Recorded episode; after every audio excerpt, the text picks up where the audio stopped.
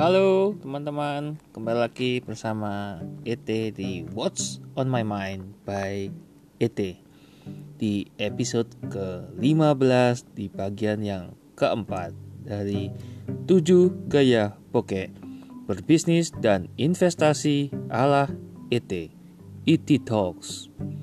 Nah seperti biasa teman-teman yang sudah sering mendengarkan podcast saya masih tahu di awal-awal segmen selalu akan saya ingatkan siapkan kertas, ballpoint dan cemilan biar teman-teman bisa mendengarkan podcast saya satu jam ke depan dengan santai, dengan serius dan dapatkan poin-poinnya catat dulu ya. Seperti biasa akan saya review di episode yang kemarin, episode 14 bagian yang ketiga kita sudah masuk di poin yang ketiga tentang money transforms anything. Uang mengubah segalanya. Diskusi kelompok dan aktivitasnya yang pertama, membuat daftar tentang cara suatu perusahaan tampak besar tanpa biaya. Yang kedua, diskusikan mengapa kegagalan memberikan beban berat dan cara bangkitnya. Yang ketiga, buat daftar pro dan kontra mengapa itu ide bagus untuk bekerja ikut orang. Yang keempat, buat daftar 5 wanita pengusaha sukses yang diketahui grup belajar dan diskusi. Yang kelima, jelaskan mengapa menjual diri sendiri itu penting sebelum produk, ide, dan jasa. Nah, untuk tugas rumahnya yang sudah saya sampaikan kemarin bisa dikumpulkan atau bisa disampaikan juga. Ini yang pertama, Bagaimana cara Anda memaksimalkan uang orang lain sebagai modal usaha? Yang kedua, buktikan strategi dan konsep Anda menjual produk dan jasa dengan anggaran kecil. Yang ketiga, buat daftar cara yang dapat Anda terapkan dalam proyek Anda agar berhasil. Yang keempat, jika Anda bekerja paruh waktu atau magang, sesuaikan bisnis Anda ke depan. Nah, kemudian kita masuk di poin yang keempat, This is it. Diskusi kelas dan aktivitasnya. Apakah Anda dapat mengingat suatu hal ajaib terjadi tidak terduga? Yang poin pertama. Yang kedua, buat daftar pro dan kontra tentang menawarkan atau meminta bantuan. Yang ketiga, seberapa pentingkah menjadi autentik? Karakteristik baik atau buruk autentik. Ya, oke. Okay. Ke yang keempat, lakukan tugas rumah Anda ini buat lima kalimat misi Anda yang ingin Anda capai dalam dunia bisnis sebagai karyawan atau sebagai pengusaha dan taruh di tempat yang sering Anda lewati dan baca tiap hari sebelum memulai aktivitas dan sebelum rehat. Poin berikutnya, buat lima kalimat deskripsi tentang Anda termasuk pengalaman dan kemampuan. Yang ketiga, deskripsikan rencana Anda tentang karakteristik positif Anda menjadi autentik. Jadi itu review dari episode yang ke-14 dan part ketiga, bagian ketiga. Nah, kita akan masuk di episode ke-15 di bagian yang keempat. Sudah siap ya? Oke, kita akan mulai. Episode ke-15 Bagian keempat dari 7 Gaya Poke Berbisnis dan Investasi ala ET ET Talks Part 4 mainkan. Oke teman-teman, kali ini kita masuk di poin yang kelima, yakni everyone can fail but not you. Nah, semua orang bisa gagal kecuali Anda yang mendengarkan podcast saya. Karena Anda sudah meluangkan investasi waktu yang cukup luang, apa cukup luang, cukup lama, satu jam di setiap episodenya. Ya, jangan sampai Anda sudah meluangkan waktu satu jam dan Anda gagal. Nah, karena Anda sudah belajar banyak dari kegagalan saya, belajar juga dari berbagai macam tips, tips dan trik yang sudah saya sampaikan. Tidak ada kata gagal, yang ada adalah sukses atau belajar. Itu dari guru saya. Oke, diskusi kelas dan aktivitas yang bisa kita lakukan di poin yang kelima ini. Bagi grup dan mencari gambar di internet kategori 4 merek dagang internasional. Barang, stempel, merek, gaya hidup, dan deskripsikan Nah, teman-teman bisa mulai diskusi dengan teman sebelahnya, mungkin bisa keluarga, bisa teman main atau teman-teman dengerin di mana ini. Bisa dengan grup juga siapa pun itu yang teman-teman dengarkan bersama. Mungkin ada kayak nobar tapi dengar bersama tebar jadinya. Dengar bersama. Ayo eh, gambar di internet banyak. Contoh aja part merek dagang internasional. Barangnya apa? Gitu silakan stempelnya bagaimana gitu mereknya seperti apa gaya hidup yang mereka pakai untuk promosi dan deskripsikan. Ya, kalau saya mungkin tidak bisa kasih contoh ya, karena teman-teman kan pasti punya preferensi masing-masing ya, beda-beda. Jadi bisa dideskripsikan. Ini untuk aktivitas ya. Oke, poin yang kedua adalah uh, meriset produk atau jasa. Mungkin nanti ada beberapa tipsnya itu adalah uh, cara jualan tiap industri berbeda. Jadi di gaya hidup itu biasanya kita jual lifestyle-nya Nah, itu arti yang penting, poin yang saya bisa garis bawahi. Jadi meriset ke produk atau jasa, pasar, grup pelanggan yang potensial dan kompetitif. Silakan bisa dilakukan secara uh, klaster-klasternya istilahnya. Bisa di misalkan Surabaya, Surabaya Utara, Timur, Barat, Selatan, Tengah gitu. Atau mungkin lebih spesifik lagi per kecamatan. Nah, itu arti segmentasinya. Berdasarkan domisili itu. Targetnya target pasarnya misalkan. Nah itu kalau di internet bisa menggunakan berbagai macam fitur ya. Saya mungkin tidak akan jelaskan di podcast ini. Mungkin saya dijelaskan di episode yang lain. Nah kemudian grup pelanggan yang potensial ini bisa grup di Facebook bisa di WA nah, dan kompetitif ini grup yang resmi mungkin asosiasi mungkin himpunan mungkin uh, komunitas khusus yang eksklusif gitu. Misalkan uh, komunitas ini ya mobil misalkan ada ya saya nggak sebutin mereknya. Atau komunitas uh, kendaraan bermotor yang lain banyak lah. Bahkan kereta api aja ada, ada komunitasnya itu. Oke untuk yang poin ketiga, menghitung anggaran dan demonstrasikan berapa lama dan berapa mahal modal awal yang dipinjam dapat dikembalikan beserta peningkatan pendana. Nah itu tadi, monggo bisa dihitung anggarannya, budgeting ini ya namanya. Nah, terus kemudian yang paling penting adalah dihitung berapa lama akan kembali gitu loh. Dan total keseluruhan berapa yang dibutuhkan untuk dipinjam misalkan ini pinjaman ya, simpan pinjam misalkan. Atau yang bisa dari uh, saudara, paman, uh, orang tua atau yang lain-lain ya. Ya, pastikan ada ROI-nya, return of investment-nya berapa persen pembagiannya. Ya itu harus disepakati di awal semua ya. Kembali lagi bisnis hitam atas putih. Kita nggak bisa jalan kalau nggak ada kontrak yang jelas. Bisa dipahami ya. Contoh lah, misalkan teman-teman masih bingung, misalkan anggaran satu juta Nah ini untuk apa aja? Terus berapa lama kembali? Misalkan satu hari. Terus kemudian berapa mahal modelnya tadi itu? Eh, anggaran itu anggaran per hari. Berarti kalau total bisa 30 juta. Nah terus berapa peningkatannya? Misalkan standarnya 10% berarti 3 juta. Berarti akan kembali 33 juta. Contohnya seperti itu. Yang keempat, diskusikan pro dan kontra dari mempercayai intuisi atau penuh di riset data. Nah, silakan monggo. Teman-teman pasti juga paham bahwa intuisi itu termasuk semacam insting kalau uh, teman-teman lebih mudah mengerti. Insting itu feeling ya, feelingnya setiap orang kan berbeda. Misalkan pengalamannya masing-masing. Kenapa kita harus pakai intuisi atau kita lebih fokus ke riset? Itu berarti ada pro dan kontranya.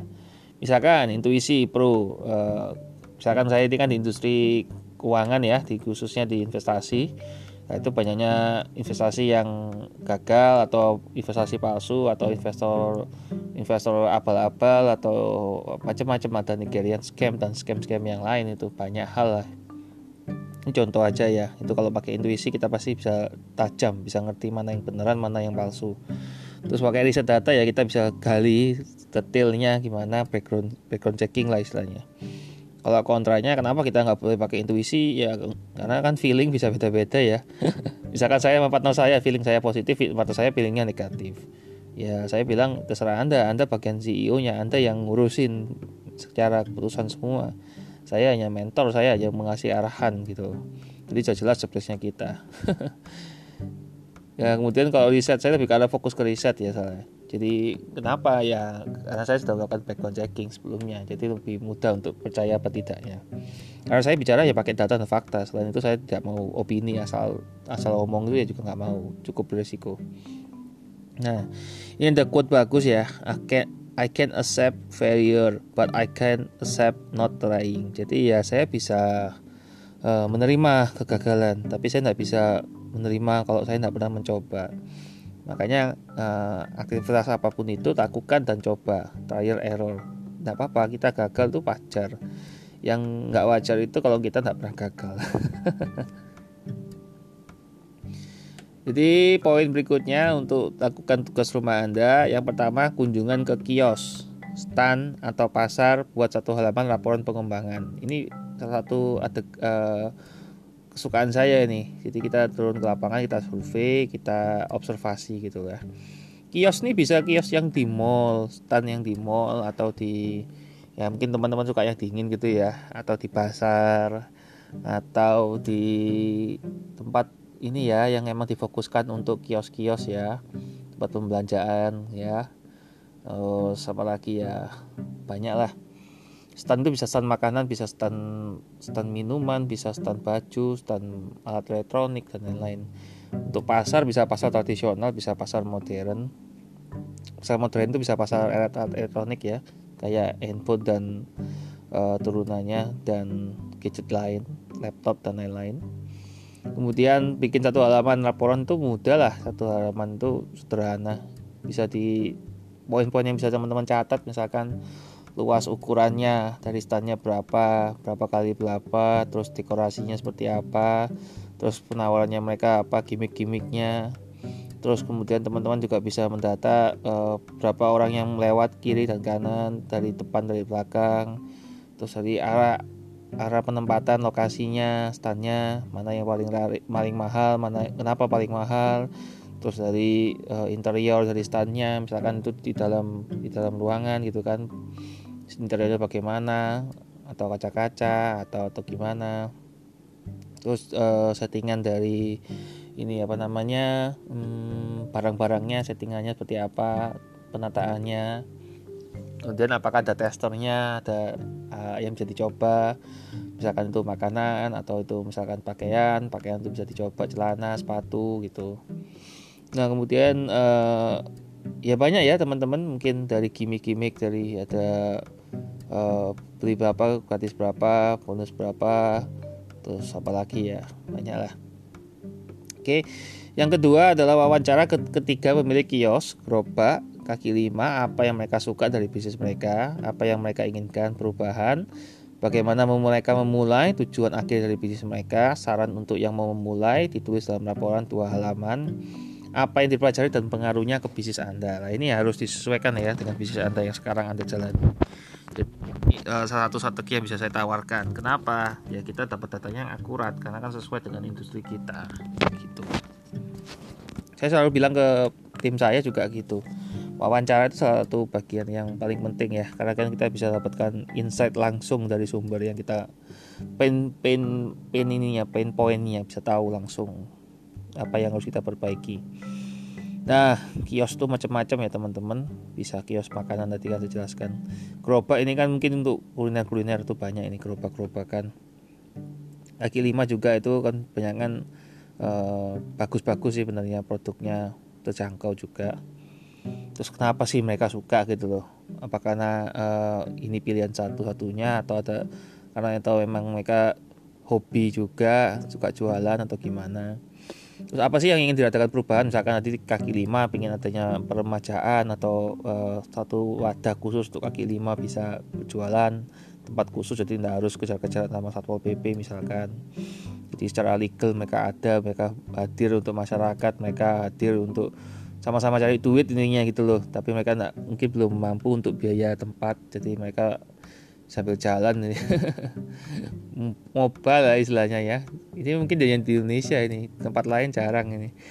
Uh, saya pernah ke luar negeri ya, hampir nggak pernah nemu ada kayak misalkan bakso keliling makanan keliling itu hampir susah ditemui. Beruntung lah teman-teman di Indonesia ada seperti itu gitu loh. Tapi di masa-masa corona seperti ini kan berbeda lagi nih uh, human behaviornya dengan protokol kesehatannya. Kayaknya di luar negeri lebih siap ya daripada di Indonesia ya. Kalau di Indonesia kan kadang kalau pingin akhirnya ya pakai aplikasi-aplikasi uh, ojek-ojek online itu loh yang menggunakan uh, fitur pengiriman pesanan. Terus kemudian bagaimana mereka memulai? Kadang kalau saya uh, ikuti wawancara ini ada yang sampai generasi dari bapaknya dari kakeknya. Sebenarnya mereka ya karena opsinya cuma itu aja meneruskan dari orang tua. Dan resepnya kadang juga sudah diturunkan. Ada yang sama persis enaknya misalkan ada yang berubah. Ya teman-teman bisa eksperimen sendiri lah karena kan setiap tempat beda ya. Setiap orang yang anda temui pasti beda lah. Kalau saya sih rata-rata seperti itu. Uh, mereka uh, punya pengalaman yang berbeda lah. Misalkan di tempat yang ini lebih rame daripada tempat yang lain gitu nah tujuan akhir dari bisnis mereka apa? Tujuannya apa sih? Misalkan kalau saya eh, saya sarankan harus punya exit plan strategi kalau saya di go public kalau bisnis tidak bisa sampai go public ya susah. Karena kalau go public aja untuk sustain ya juga berat apalagi yang nggak go public. Go private masih bisa tapi ya tergantung ya. Karena kita ngomong skalanya skalanya sebesar apa levelnya. Nah harus punya tujuan akhir ya teman-teman harus diingat ya. Nah mungkin nanti kita selamanya di jalan misalkan ya. Mungkin kalau bisa di mall lebih enak lebih adem terus juga lebih jelas trafficnya. Karena kalau di jalan kan ada ada orang kan terganggu uh, jadi apa namanya ada pasar malam misalkan apa itu kan harus tutup jalan harus tutup ini tutup itu kan. Pasti ada izinnya juga sih cuman kan kembali lagi ya. Itu kan juga satu hiburan ya kalau di Indonesia nggak tahu saya di kota anda ada apa enggak kalau di Surabaya ada. Ya tapi di masa corona saya nggak nggak keliling di Surabaya saya jarang keluar. Jadi saya stay at home work from home. Jadi saya nggak tahu juga situasi selama corona seperti apa. Yang pasti ya itu hati uh, kalau anda mau bantu ya bantulah mereka yang dekat-dekat dengan anda itu hati. Yang dekat lokasi anda juga. Bukan hanya uh, yang di online online itu mereka juga butuh bantuan. Jadi mungkin juga bisa uh, dengan cara membeli produknya mereka atau mungkin dengan memberikan bantuan paksos bantuan sosial. Nah saran untuk yang mau memulai ditulis dalam laporan ya. Dua halaman apa yang dipelajari. Banyak kan pasti teman-teman yang pelajari. Saya aja setiap uh, survei selalu ada hal baru yang saya pelajarin. Ya karena kan kita dapat pengalaman yang berbeda dari orang yang berbeda kan? Dan apa sih pengaruhnya ke bisnis anda gitu loh? Pastinya anda akan dapat sesuatu. Ya ini tuh tujuan dari mendengarkan podcast ini ya bukan untuk saya tapi ya untuk anda sendiri gitu loh. Jadi ya kalau bilang anda pengaruhnya apa pak ke saya? Ya karena anda sendiri yang uh, melakukan eksperimen. Kalau saya pengaruhnya jelas dengan uh, dengan adanya data-data yang saya sampaikan ini kan saya dapat berbagi gitu loh. Oh jadi saya ada pengaruh saya bisa memotivasi saya bisa mengasih arahan ke orang lain.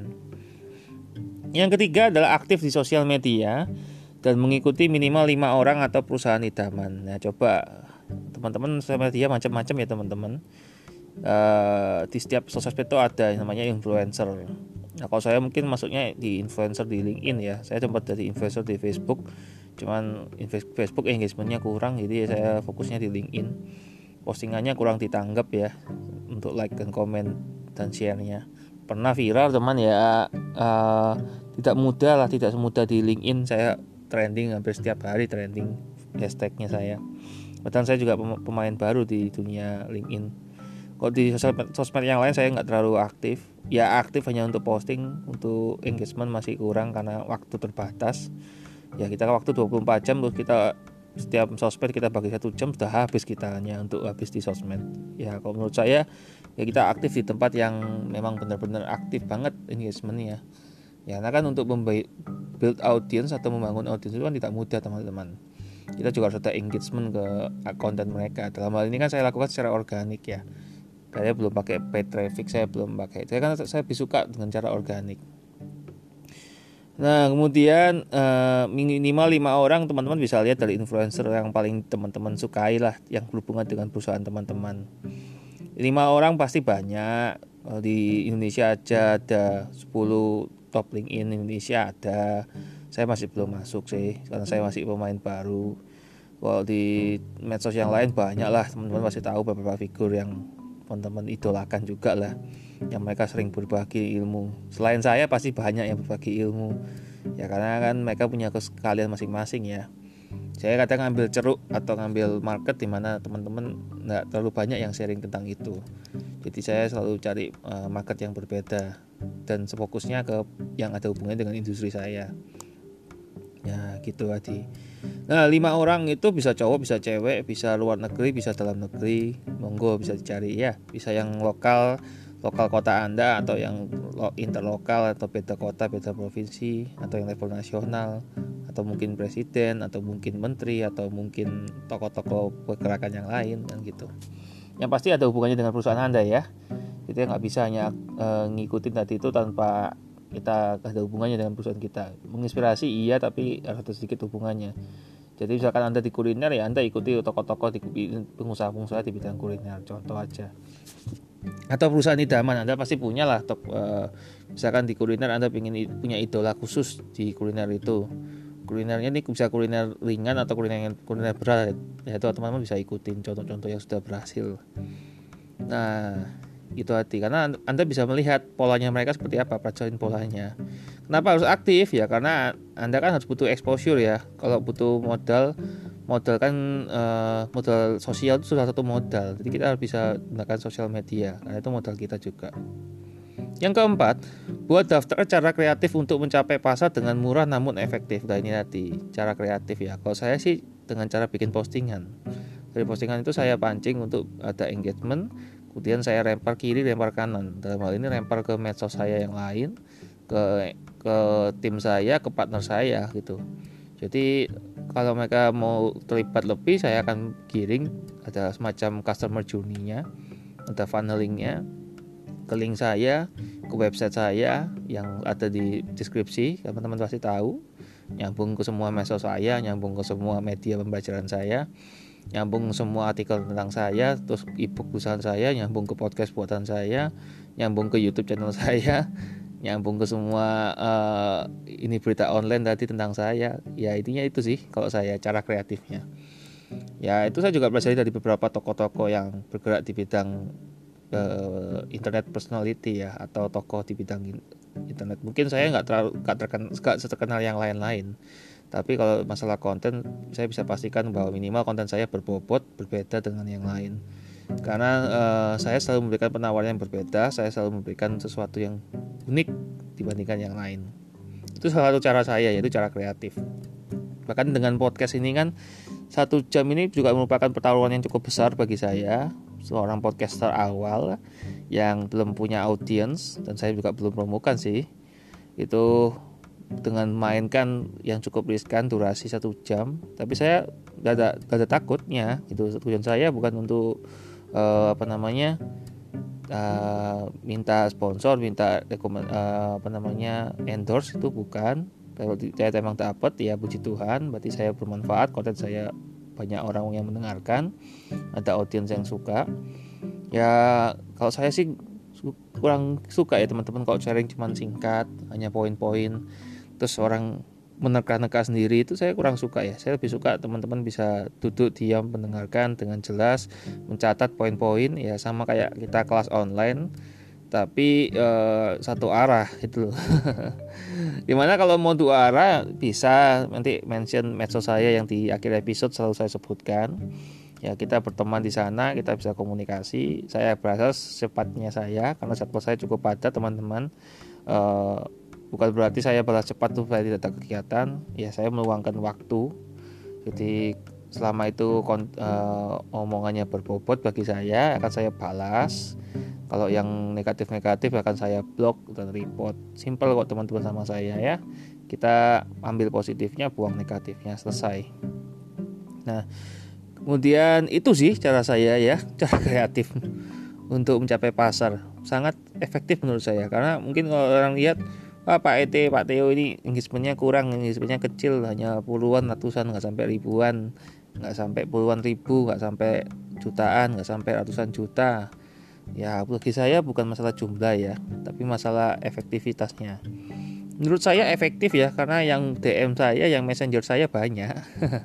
Yang langsung to the point tanya bisnis saya apa dan langsung bergabung di bisnis saya langsung action juga banyak dan itu nggak pernah saya publikasikan. Karena buat apa? Buat apa kita pamerkan pekerjaan kita?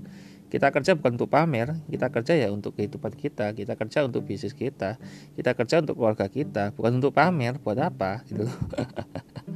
Jadi apa yang saya bukan apa yang saya sampaikan itu bukan untuk pamer ya untuk sharing aja motivasi orang-orang. Ya tanggapan orang pasti berbeda setiap orangnya saya sih tidak pernah peduli omongan orang kalau yang negatif ya. Kalau yang positif saya bisa terima kasih atas apresiasinya. Ya, makanya saya juga sangat apresiasi banget teman-teman yang mau mendengarkan semua podcast saya episode-episode yang saya sampaikan. Ini sudah saya konsepkan benar-benar matang benar-benar saya sajikan yang terbaik dari yang saya bisa. Mungkin nanti setelah saya syuting 30 sampai 45 terus saya fokuskan di promosi baru saya kembangkan lagi untuk materi baru episode yang baru saya akan pengen tahu kira-kira seperti apa. Terus mungkin saya akan mulai eksperimen dengan durasi mungkin juga dengan topik-topik baru yang untuk kini yang kekinian. Teman-teman kalau ada saran topik dan ide juga boleh share. Tapi nanti saya akan garapnya setelah selesai 30-45 episode awal sudah saya rencanakan. Itu pun masih belum tahu 30 45 atau sampai 60 saya kurang tahu. Itu sih perkiraan kasar aja ya karena uh, saya menggunakan materi yang saya sering sampaikan di kelas-kelas online. Ini teman-teman juga bisa ngundang saya di kelas online offline atau apa pun itu medianya. Di mana saya akan berbagi sesuai topik yang sudah saya kuasai. Kalau teman-teman requestnya topik yang saya tidak kuasai mohon maaf saya mungkin menolak. Bukan saya tidak mau atau saya tidak tidak bersedia tapi ya karena saya lebih baik saya walk to talk walk the talk ya. Jadi saya ngomong sesuai apa yang saya alami apa yang saya kuasai. Di luar itu saya mendingan diem aja. Karena saya juga belajar teman-teman. Saya tidak mau uh, banyak ngomong lebih baik banyak uh, mendengar jadi saya waktu membuat podcast ini pun juga awalnya saya banyak mendengarkan podcast yang lain akhirnya saya terinspirasi untuk membuat podcast. Karena saya punya banyak hal yang bisa saya bagikan yang selama ini saya rahasiakan yang selama ini saya diamkan. Nah yang saya tulis dalam ebook saya yang memang banyak yang sudah membaca. Terus uh, responnya juga cukup bagus. Cuman mungkin kurang jelas ya karena hanya poin-poin. Sehingga saya di sini tujuannya untuk memperjelas ebook saya jadi podcast saya ini semacam audiobook dari ebook saya. Jadi eh, eh, semacam melengkapi. Jadi kalau orang saya kayak saya kasih ebook saya juga saya lengkapi dengan saya kasih podcast saya. Cuman saya belum rilis ya ini ya, saya rilisnya per hari saya tes juga market hari apa yang efektif saya juga tes market jam berapa yang efektif untuk rilis saya juga tes market untuk topik mana yang paling sering didengar itu tadi. Kembali lagi di setiap hal yang baru saya selalu mencoba. Nggak ada yang salah nggak ada salahnya teman-teman mencoba itu. Makanya saya di episode awal di season pertama saya bahas tentang uh, podcast. Apa itu langkah-langkahnya untuk bikin podcast. Karena saya juga ingin motivasi teman di awal uh, season langsung dapat sesuatu yang bisa teman-teman praktekkan kalau yang lain-lain itu kan sudah merupakan kelebihan saya ya, sharing pengalaman saya. Karena podcast kan hal yang baru bagi saya. Itu juga uh, tantangan bagi saya. Di awal langsung saya kasih sesuatu yang berat bagi saya karena saya juga bukan uh, podcaster yang terkenal gitu kan. Saya juga bukan podcaster sih benernya saya lebih ke arah pebisnis yang punya podcast, yang pengen punya wadah, punya sarana untuk bisa berbagi biar jangkauan juga makin luas juga bagi banyak yang dapatkan manfaat. Oke kemudian kita lakukan yang kelima yaitu melakukan riset pasar. Pasar ya itu produknya kompetitor terus demografi pelanggan harga dan sebagainya. Produk kompetitor itu kita sebenarnya bersyukur ya kalau kita punya kompetitor teman-teman. Jadi kita ada pembanding. Jadi kita nggak bisa uh, merasa bahwa produk kita adalah yang paling hebat. Kita juga nggak bisa merasa bahwa produk yang lain lebih hebat kita bisa melengkapi kelebihan kita dengan beberapa fitur-fitur yang kita bisa tawarkan. Kita bisa lakukan riset dan development terus setiap kali produk kita rilis gitu kan launching. Terus juga pasar menerima apa tidak ada marketingnya kan ada proses marketing. Sama kayak saya bikin podcast ini juga ada proses riset risetnya seperti apa kira-kira pendengar saya seperti apa. Saya sudah lakukan survei kecil-kecilan tentang apakah orang mau mendengarkan podcast saya. Ya puji Tuhan banyak yang mau mendengarkan cuman saya bilang oke okay, saya buat dulu. Jadi saya tidak mau asal-asalan saya lebih baik buat uh, yang bagus benar-benar bagus butuh proses yang cukup lama daripada saya buat cepat-cepat tapi asal-asalan. Makanya saya juga belajar dalam proses pembuatan.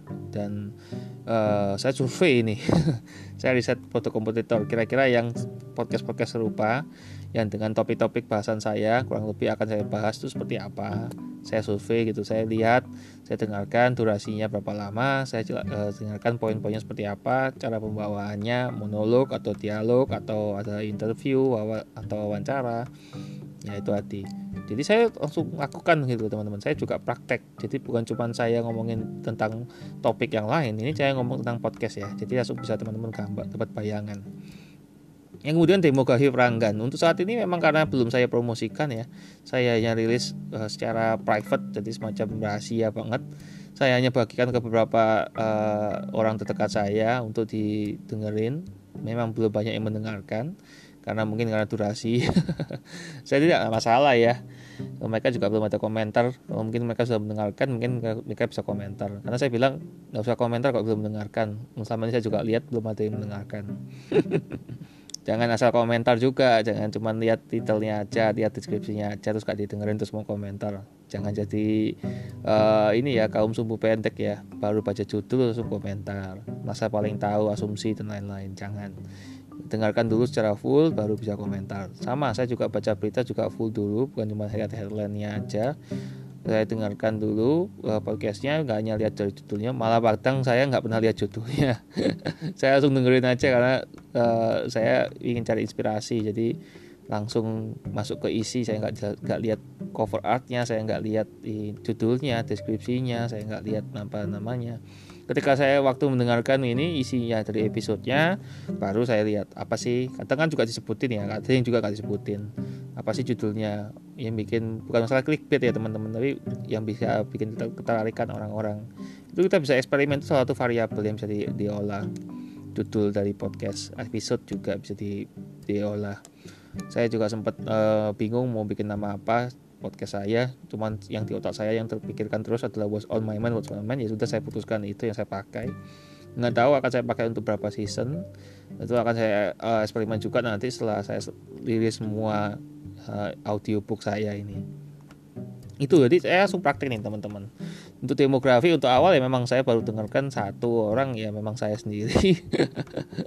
Bagusnya di aplikasi yang saya pakai ini ada insightnya. Jadi kita bisa tahu uh, di setiap uh, platform yang streaming yang lain itu siapa aja yang dengarkan terus usianya berapa cowok atau cewek terus bisa uh, berapa kali didengarkan terus episode mana yang paling paling banyak didengarkan banyak lah teman-teman bisa lihat sendiri ya bisa praktek sendiri.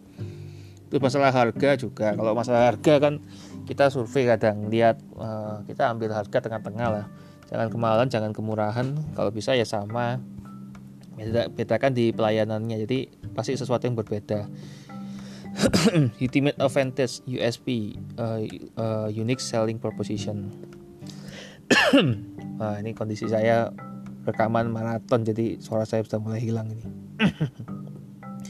kita masuk poin ke-6 yaitu agent, agent agents of change agents of change atau agen perubahan ini diskusi kelas dan aktivitasnya. Yang pertama adalah ulas mekanisme pendanaan dari Kickstarter. Ini saya sebut mereknya biar teman-teman juga tahu referensinya bisa teman-teman cari langsung praktek langsung eksekusi gitu ya. Indiegogo, GoFundMe, Seed Invest, dan Kifah. Lakukan komparasi dari situs pendanaan. Ada juga maxwin.co.id. Ini perusahaan saya. Saya sebutin kenapa ya bukan saya promosi ya, tapi teman-teman bisa menilai sendiri jika tertarik bisa hubungi saya di medsos saya. Nanti saya akan arahkan ke tim saya, ke partner saya yang memang spesifik untuk menghandle bisnis saya. Karena saya fokusnya di edukasi, jadi memberikan pengetahuan, memberikan ilmu tentang apa yang kita lakukan, apa yang bisa kita bantu untuk orang lain. Dan sedangkan untuk fokus ke bisnisnya ada teman saya sendiri, partner saya sendiri yang memang fokus di sana, bahkan ke teknis dan detail. Kalau saya lebih ke arah uh, gambaran besar ya, grand design atau lebih ke arah layanan apa yang kita tawarkan. Coba dicek setiap uh, layanan yang saya sampaikan tadi itu. Saya ulangi lagi Kickstarter bisa diklik di Google. Ya saya sebutin aja Google karena salah satu engine search engine yang sudah sudah otomatis ada di setiap handphone atau mungkin di Safari ya kalau di Apple ya. Saya sebut aja biar cepat gitu. Saya nggak di endorse ya sama Google sama Apple. Bagus siapa saya gitu kalau sampai saya di endorse sama mereka. Puji Tuhan lah kalau sampai saya dapat endorse dari mereka. Berarti saya sesuatu yang bermanfaat dapat nilai ada nilainya sehingga mereka mau endorse saya. Kemudian Kickstarter ya coba dicek caranya gimana. Indiegogo coba silakan. Indiegogo seperti apa dicek requirement atau uh, syarat dan ketentuannya seperti apa aja. GoFundMe juga bisa dicek. Siapa aja perusahaannya di mana terus portfolionya mereka pakai bagaimana terus pengembaliannya seperti apa atau pembagian hasilnya bagaimana bisa dicek. Seed invest nah itu dicoba dicek. Seed ini berarti kan tahap seeding ya. Bagi orang yang sudah sering di bidang startup pasti ngerti lah ini tapi kalau belum pernah di bidang startup pasti belum paham apa yang saya sampaikan. Karena ini hanya bisa diakses sama para para startup. UKM kadang juga masih belum aware ya belum sadar adanya alternatif pendanaan ini. Nah kalau beli bisnis.com teman-teman bisa hubungi saya juga bisa hubungi teman-teman saya partner saya yang sudah saya sampaikan di medsos saya. Nggak perlu banyak promosi ya saya sih nggak banyak ngomong tentang bisnis saya. Saya hanya sampaikan teman-teman bisa menilai sendiri lah kemudian Kiva Kiva silakan coba.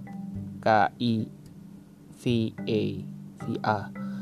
K I V A coba. Terus maxwin.co.id coba. Itu ownernya dari perusahaan kami. Kita grup ya. Grup itu berarti semacam in, uh, grup investasi. Jadi singkatan kami adalah VIP Venture Capital Investment Group dan Private Equity. Kita emang fokusnya di pendanaan dan kita memang fokusnya di permodalan usaha dan kita akan fokusnya juga di exit strategy plan di akhir. Oke? Yang kedua demonstrasikan metode pembuat penentuan tujuan yang sederhana. Smart. Ini untuk bikin goal ya.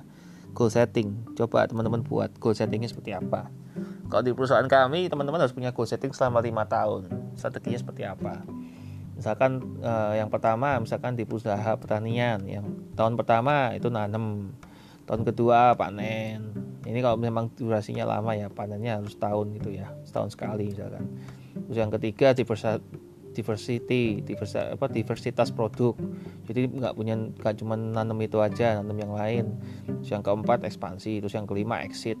Jadi benar-benar uh, ekspansi ini bisa keluar negeri ya ekspor atau impor atau apa pun itu distribusinya ditingkatkan. Yang kelima ya memang sudah uh, fokus ke bisnis yang lain atau nambah lini bisnis yang lain jadi istilahnya kan kalau kita kan ada pembagian saham itu hati nah teman-teman bisa nambah lini bisnis baru kan itu yang ada hubungannya.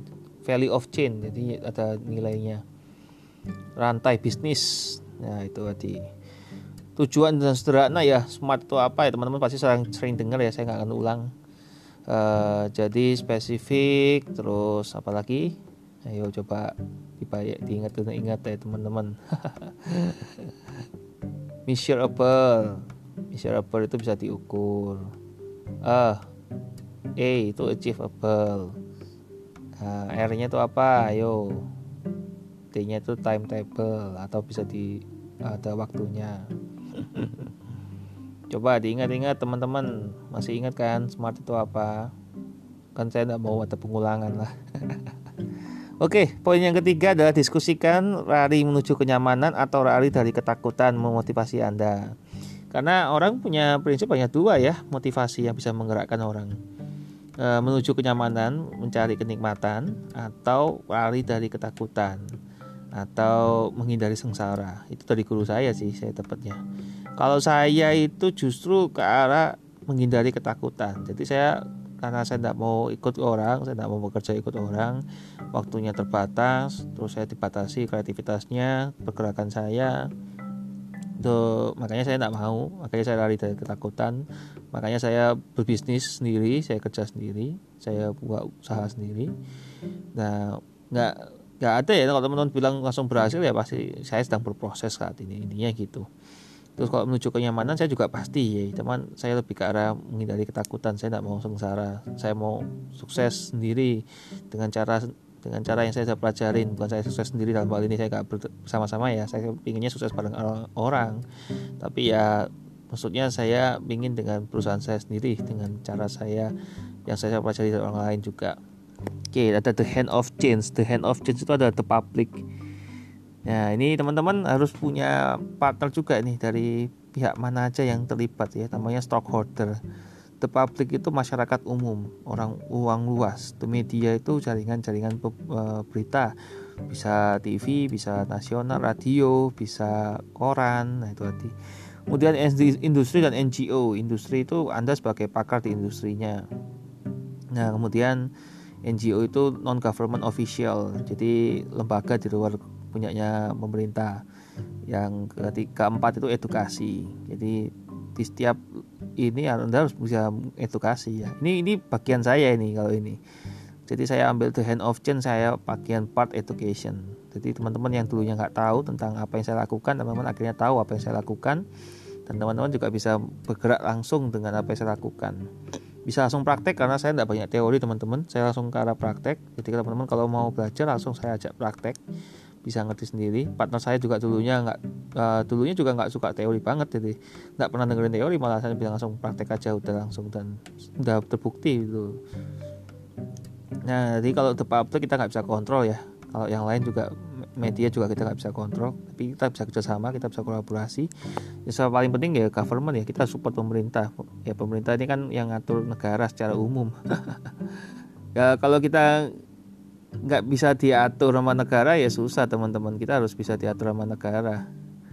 Nah ini ini slide-nya lagi trouble ini teman-teman. Jadi saya masih buka lagi nih biasalah ini kan handphone jadul jadi uh, recording plus buka slide saya ulang ya saya ngomong apa adanya ini kan saya bilang poin atau authenticity saya adalah saya uh, apa adanya saya jujur kondisi saya seperti apa kayak ini episode akan saya selesaikan sampai di poin yang ketujuh. Jadi teman-teman bisa segera move on dari bagian ini karena kan mungkin tidak enak ya ngomongin bokek terus ya. Berbisnis dan investasi juga sih kita omonginnya. Oke poin yang keenam adalah agents of change. Tetap di agent of change lakukan tugas rumah anda. Yang pertama adalah buatlah anggaran. Ini dari menit 41 jadi ada waktu 10 menit lagi untuk selesai. Saya akan percepat buatlah anggaran pendanaan bisnis dan produk anda observasi situs mereka nah itu hati anda bisa lihat contoh-contohnya mereka menyediakan pitch deck pitch deck pitch deck itu Anda pitching. Pitching itu kalau 5 sampai 15 menit investor tuh nggak banyak waktu karena yang pengajuan banyak. Makanya saya selalu sampaikan di awal orang-orang bahwa mereka harus siap itu bikin pitch deck. Mereka juga harus siap bahwa mereka menawarkan sesuatu yang menarik. Kalau nggak menarik ya kita tinggal. Kenapa? Banyak penawaran yang menarik yang masuk ke kita dan yang kita bisa proses. Itu sih kalau dari perusahaan kami ya. Uh, kemudian banyak yang nggak mempelajari sebelumnya tentang pola pembenahan kita, jadi banyak tanya. Harusnya mereka bisa belajar-belajar mandiri ya karena semua materi sudah saya sampaikan di medsos saya. Nggak ada yang miss. Kalau diikutin dari awal sampai akhir semua lengkap. Jadi tinggal diikutin aja. Ada di medsos saya yang saya sampaikan di akhir episode. Anggaran ya lengkap. Detail dari hulu ke hilir lengkap bisnis atau produk macam-macam ya. Bahkan deskripsi spesifiknya spesifikasinya seperti apa aja terus segmennya seperti apa.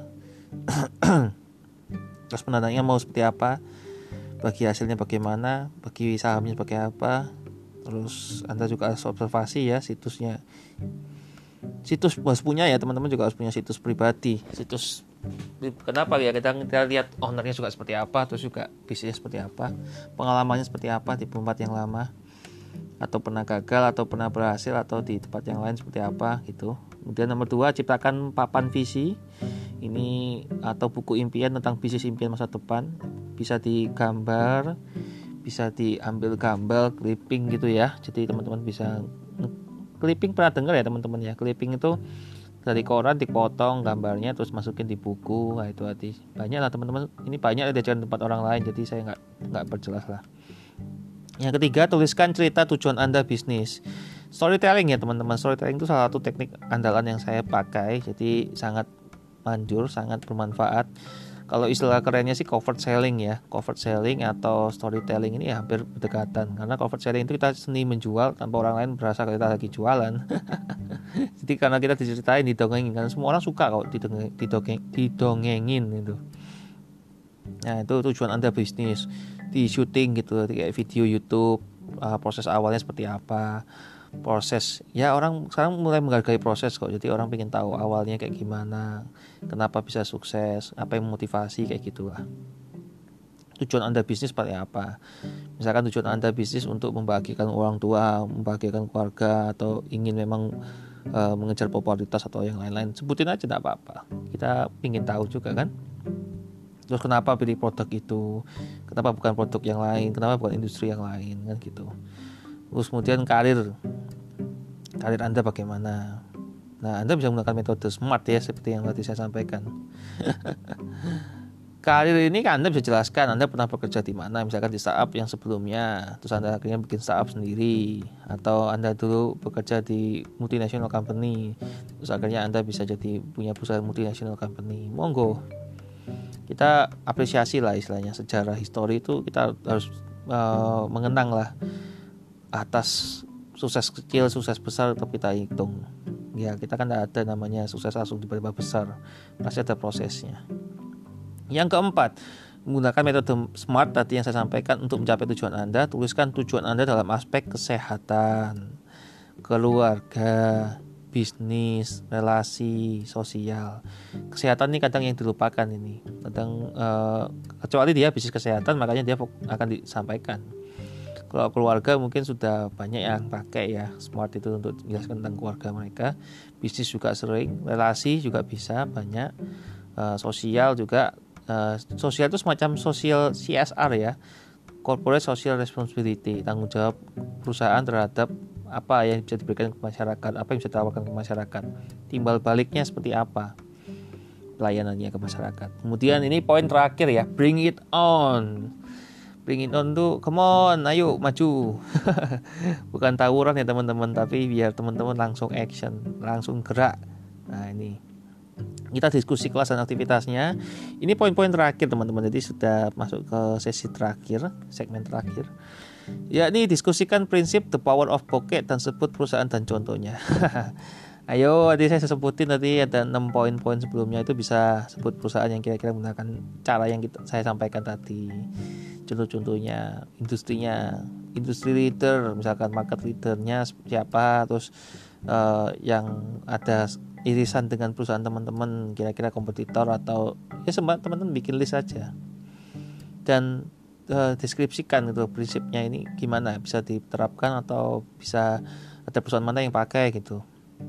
Nah kemudian nomor dua diskusikan siapa yang mempunyai merek pribadi yang sukses dalam bisnisnya Nah, merek ini bisa dimiliki pribadi atau sudah ada share ya, shareholder atau perpartner kongsian gitu ya. Nah, ini merek pribadi yang sukses dalam bisnisnya karena setiap orang punya merek sendiri-sendiri ya. Dalam hal ini didaftarkan di HAKI, hak atas kekayaan intelektual. Kalau bahasa Inggrisnya itu intellectual property, itu yang mahal, aset intangible atau aset yang nggak bisa dipegang, aset yang nggak bisa dihitung karena itu luar biasa nominalnya dari Tuhan. kalau yang aset lain kan bisa dihitung ya, karena kan manusia punya dasar hitungannya. Tapi kalau dari Tuhan nggak ada batasnya, kreativitas nggak ada batasnya. Makanya dipakai teman-teman. Oke, ini terakhir sambil sebagai penutup juga lakukan tugas rumah Anda. Selamat Anda sudah mendengarkan sampai saat ini di part yang keempat di episode ke-15 di season yang ketiga Nah, ini ya tugas sama tugas rumah Anda yang pertama adalah pilih salah satu ide bisnis terbaik Anda dan jelaskan bagian dari kontribusi aspek berikut dalam peluncuran dan pengembangan bisnis. Bisa dari sumber daya, autentik, optimasi, solusi, kepercayaan, apresiasi, visi atau tujuan. Nah, contohnya kalau saya di industri keuangan misalkan contoh uh, sumber dayanya ya ke orang-orang. Saya bisa memperkerjakan semua orang dari background apa pun yang mereka mau saya ajarin mereka yang mau belajar. Kemudian autentik kita berbeda sangat berbeda dari yang lain. Kita satu-satunya di Indonesia perusahaan jual beli perusahaan. Apa itu perusahaan jual beli perusahaan? Ya kita um, uh, merger kita akuisisi terus kita juga business development dari perusahaannya itu. Jadi nilai evaluasinya lebih tinggi ya teman-teman saya nggak akan promosi. Jadi ya cuma sedikit contoh aja ini hanya sebagai contoh studi kasus langsung. Kemudian optimasi pakai teknik apa? Saya biasanya pakai teknik de, uh, langsung dengan pemerintahan jadi B2G B2B itu masuk optimasi saya. Uh, saya menggunakan banyak cara salah satunya identifikasi juga ya saya pelajarin dari MLM untuk bisa mempromosikan siapa ownernya siapa perusahaannya seperti apa ya teman-teman kalau lihat live saya sudah jelas lah teman-teman yang dengerin podcast saya juga bisa mengerti kira-kira apa yang saya sampaikan ini Nah kemudian solusi, solusi apa yang saya tawarkan? Ya kalau saya jelas ya, go public dalam waktu lima tahun itu sangat jelas. Kepercayaan teman-teman percaya nggak percaya ya kita sudah jalan dari tahun 70-an teman-teman di industri yang berbeda. Cuman kali ini kita di industri yang baru lebih banyak variasinya. Kalau dulu kita lebih banyak ke industri pakan ternak. Ya ini biar teman hanya sebagai contoh aja ya. Ya nggak akan sebut mereknya. Salah satu perusahaan terbesar di Asia yang dimiliki sama salah satu perusahaan juga di luar negeri yang punya cabang di Indonesia. Nah, kemudian apresiasi itu apresiasi kepada siapa aja yang uh, ber, berpartisipasi dalam hidup Anda, dalam bisnis Anda. Ya kalau Anda merasa ini bermanfaat Anda bisa disebut saya. Ya, kalau saya sih apresiasinya ke Tuhan Yang Maha Esa ya teman-teman. Karena yang kita diberikan karunia ini dari Tuhan Tuhan, uh, bukan dari saya pribadi ya. Karena kan saya dapat insight, dapat ilham pun dari Tuhan bukan dari saya sendiri. Kemudian visi, visinya kita uh, membuat perusahaan itu go public itu jelas sekali kita dengan cara-caranya kita. Kita juga bisa mengamankan aset perusahaan, misalkan ada yang menggunakan modalnya dengan cara menggantikan aset, misalkan juga bisa meningkatkan aset perusahaan lima kali uh, 10 kali lipat dalam waktu lima tahun. Kita punya kita punya caranya. Itu visinya kita.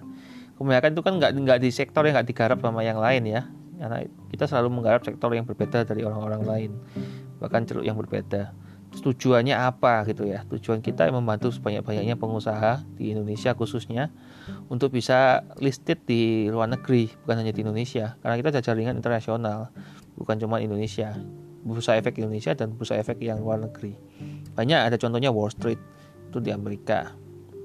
Contoh aja ya Kemudian nomor dua, sebagai aktivitas terakhir dari modul ini, baca kembali catatan Anda. Ya, kembali lagi saya ingatkan kan, Anda mencatat ya di setiap episode saya, saya selalu ingatkan untuk mencatat.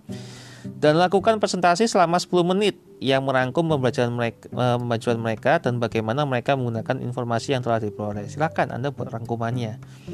Kalau saya sih, saya cepat sekali nih dalam merangkum. Ini saya membuat materi pun juga sangat cepat yang buat agak uh, banyak deskripsinya ini penjelasannya. Itu saja dari poin-poin yang bisa saya sampaikan ke teman-teman di episode kali ini. Episode ke-15 bagian keempat yang akan rilis di tanggal 17 Juni jam 1 pagi saya eksperimen nih teman-teman. Kira-kira ada nggak yang dengerin subuh-subuh nungguin saya gitu? Ya kembali lagi saya nggak kekeran ya. Kali-kali aja yang dengerin ini aja nggak ada yang dengerin sampai saat ini karena saya belum promosi. Kita akan masuk di episode berikutnya di top pembahasan yang berbeda karena selalu ada yang berbeda dari saya. Tetap dari ebook-ebook tulisan saya. Nah topik yang akan kita angkat di episode ke 16 di bagian yang pertama atau saya nggak tahu nanti berapa bagian ya. Itu tentang 10 strategi terbukti untuk bisnis retail versi ET versi saya ya. Jadi eh, kita akan masuk di topik baru dan ini beberapa testimoni yang saya sampaikan. Karena tinggal durasi tinggal dua menit saya bisa sampaikan beberapa testimoni yang belum saya bacakan di sebelumnya teman-teman juga bisa lihat testimoni tentang saya di profil Facebook saya ada. Ya ini dari Steve sudah dari Dimas sudah dari uh, ini Ko Ayung. Ko Ayung ini sepupu saya sepupu jauh. Tapi seorang senior yang luar biasa. Ya nggak tahu nggak tua-tua banget sih cuman ya paling tua lah dari sepupu-sepupu saya. Itu terima kasih. Thanks to my brother Tio. Tio itu saya nama saya udah banyak berbagi pengalaman dan pelajaran bahwa segala sesuatunya pasti punya jalan asal kita mau action. Thank you juga udah banyak kasih ide dan saran. Sukses selalu buat kamu Theo. Lah itu hati ya. Saya uh, untuk pengalaman cukup banyak, pembelajaran juga banyak karena saya setiap harinya belajar hal baru, nggak pernah ada habisnya. Saya selalu mengulik ya, sesuatu yang unik, sesuatu yang berbeda dari sudut pandang yang berbeda, dan semua asal ada jalannya teman-teman there is a way if there is a will. Ada jalan kalau ada niat. Kalau nggak ada niat ya nggak ada jalan.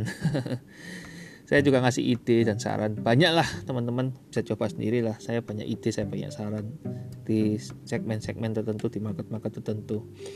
Sukses. Ini adalah doa. Jadi saya teman-teman juga uh, terima kasih banyak. Itu loh saya hanya minta doa bagi teman-teman untuk kesehatan saya untuk karir saya untuk uh, bisnis saya kiranya teman-teman bisa bantu dalam doa karena kenapa sebaik-baiknya manusia ya ketika dia bisa berbagi untuk orang lain itu dari Airin sudah ini dari Lucy, Lucy ini salah satu pimpinan UKM dulu di Widya Mandala. Saya waktu sekolah, eh waktu kuliah UKM 1 tentang kepemimpinan. Saya masih ingat orang-orang yang berkontribusi dalam hidup saya. Orang yang tidak mudah menyerah ingin menjadikan orang lain menjadi lebih baik seperti yang ia jalankan. Lebih membimbing orang secara detail lagi karena tidak semua orang bisa dengan mudah mengerti dan memahami apa yang diinginkan. God bless you, kamu percaya maka kamu akan bisa. Kembali lagi ini masalah kepercayaan diri ya teman-teman. Dan kita mengenalkan Tuhan dalam setiap aktivitas kita.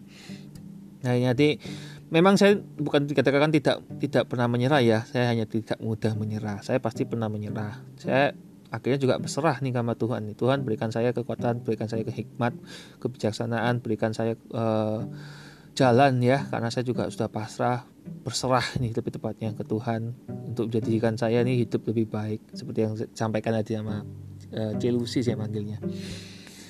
Uh, seperti saya di teringat-ingat orang-orang yang kontribusi hidup saya secara detail ya dulu mungkin saya nggak terlalu banyak detail ya karena detail itu pasti butuh durasi. Ya, kemudian mungkin banyak orang belum paham dengan bahasa saya yang mungkin bahasa bahasa planet karena saya menggunakan bahasa Inggris saya menggunakan literatur pakai bahasa Inggris. Terus uh, mereka mungkin tidak tanya ya kalau mereka tanya saya jelaskan. Ya ini beliau seorang pemimpin yang nggak hanya memimpin tapi mau dipimpin luar biasa. Jadi followershipnya tinggi nih bagus sekali ini ada dari Mbak Vivit Pitepit dari Pitepit Group. Semangat dan impian yang luar biasa. Don't forget to pray about all Dio. Manusia berusaha, Tuhan yang menentukan. Sukses selalu ya, Tuhan memberkati. Amin. Ya itu arti semangat dan impian tuh harus ya teman-teman. Saya punya antusias yang sangat tinggi. Bahkan dalam bikin podcast ini teman-teman juga bakal merasakan motivasi yang mendebar-debar gitu ya. Tebar didengar dengar bareng gitu ya kan sama saya. dan jangan lupa berdoa teman-teman. Berdoa bekerja dan berdoa. Ora et rabura, ora et rabura. itu yang saya selalu ingatkan pakai orang-orang lain itu. Kita bekerja boleh tapi jangan lupa berdoa. Tetap serahkan Tuhan, percaya sama Tuhan, Tuhan yang berikan jalan. Nanti yang seperti sampaikan sama Bu Vivi ya. Sukses selalu juga buat teman-teman yang mendengarkan podcast saya. Ini dari Bro Ricky, memiliki motivasi dan semangat yang luar biasa dan mempunyai mimpi membangkitkan Indonesia. Dan sukses selalu buat Theo untuk bisa membantu Indonesia menjadi lebih baik. Dan saya juga punya mimpi juga menjadi orang yang sukses yang juga memikirkan keadaan di sekitar kita. Terutama untuk Indonesia yang juga menjadi lebih baik, bermimpi and action. Nah, itu hati ya kurang lebih itu ya bisa digambarkan sama orang-orang yang tentang saya ya. Saya terharu. Terima kasih Bro Riki. Sudah sempat uh, hadir di kehidupan saya. Sempat mampir lah. Ah Indonesia pasti bisa. Indonesia maju. Indonesia luar biasa. Doa doa saya teriring untuk Indonesia. Saya orang Indonesia saya warga negara Indonesia. Saya lakukan yang terbaik untuk Indonesia Terima kasih Indonesia.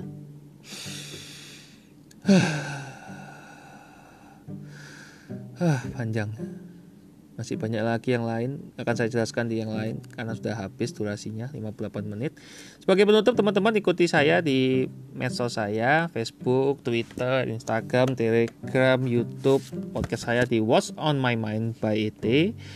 Terus juga ada Line Elios Devilus Wijaya atau at Elios Devilus G sebagai closing you are you know my name not my story Salam salut, selamat pagi, selamat siang, selamat sore, selamat malam, selamat subuh, selamat hari Minggu, selamat hari Jumat. Semua hari teman-teman saya ucapkan selamat aktivitas doanya juga yang di jalan hati-hati, yang di rumah tetap semangat. Sukses selalu sampai ketemu di episode berikutnya. 10 strategi terbukti untuk bisnis retail versi ET di episode ke-16. God bless you all. Tuhan memberkati aktivitasnya. Amin.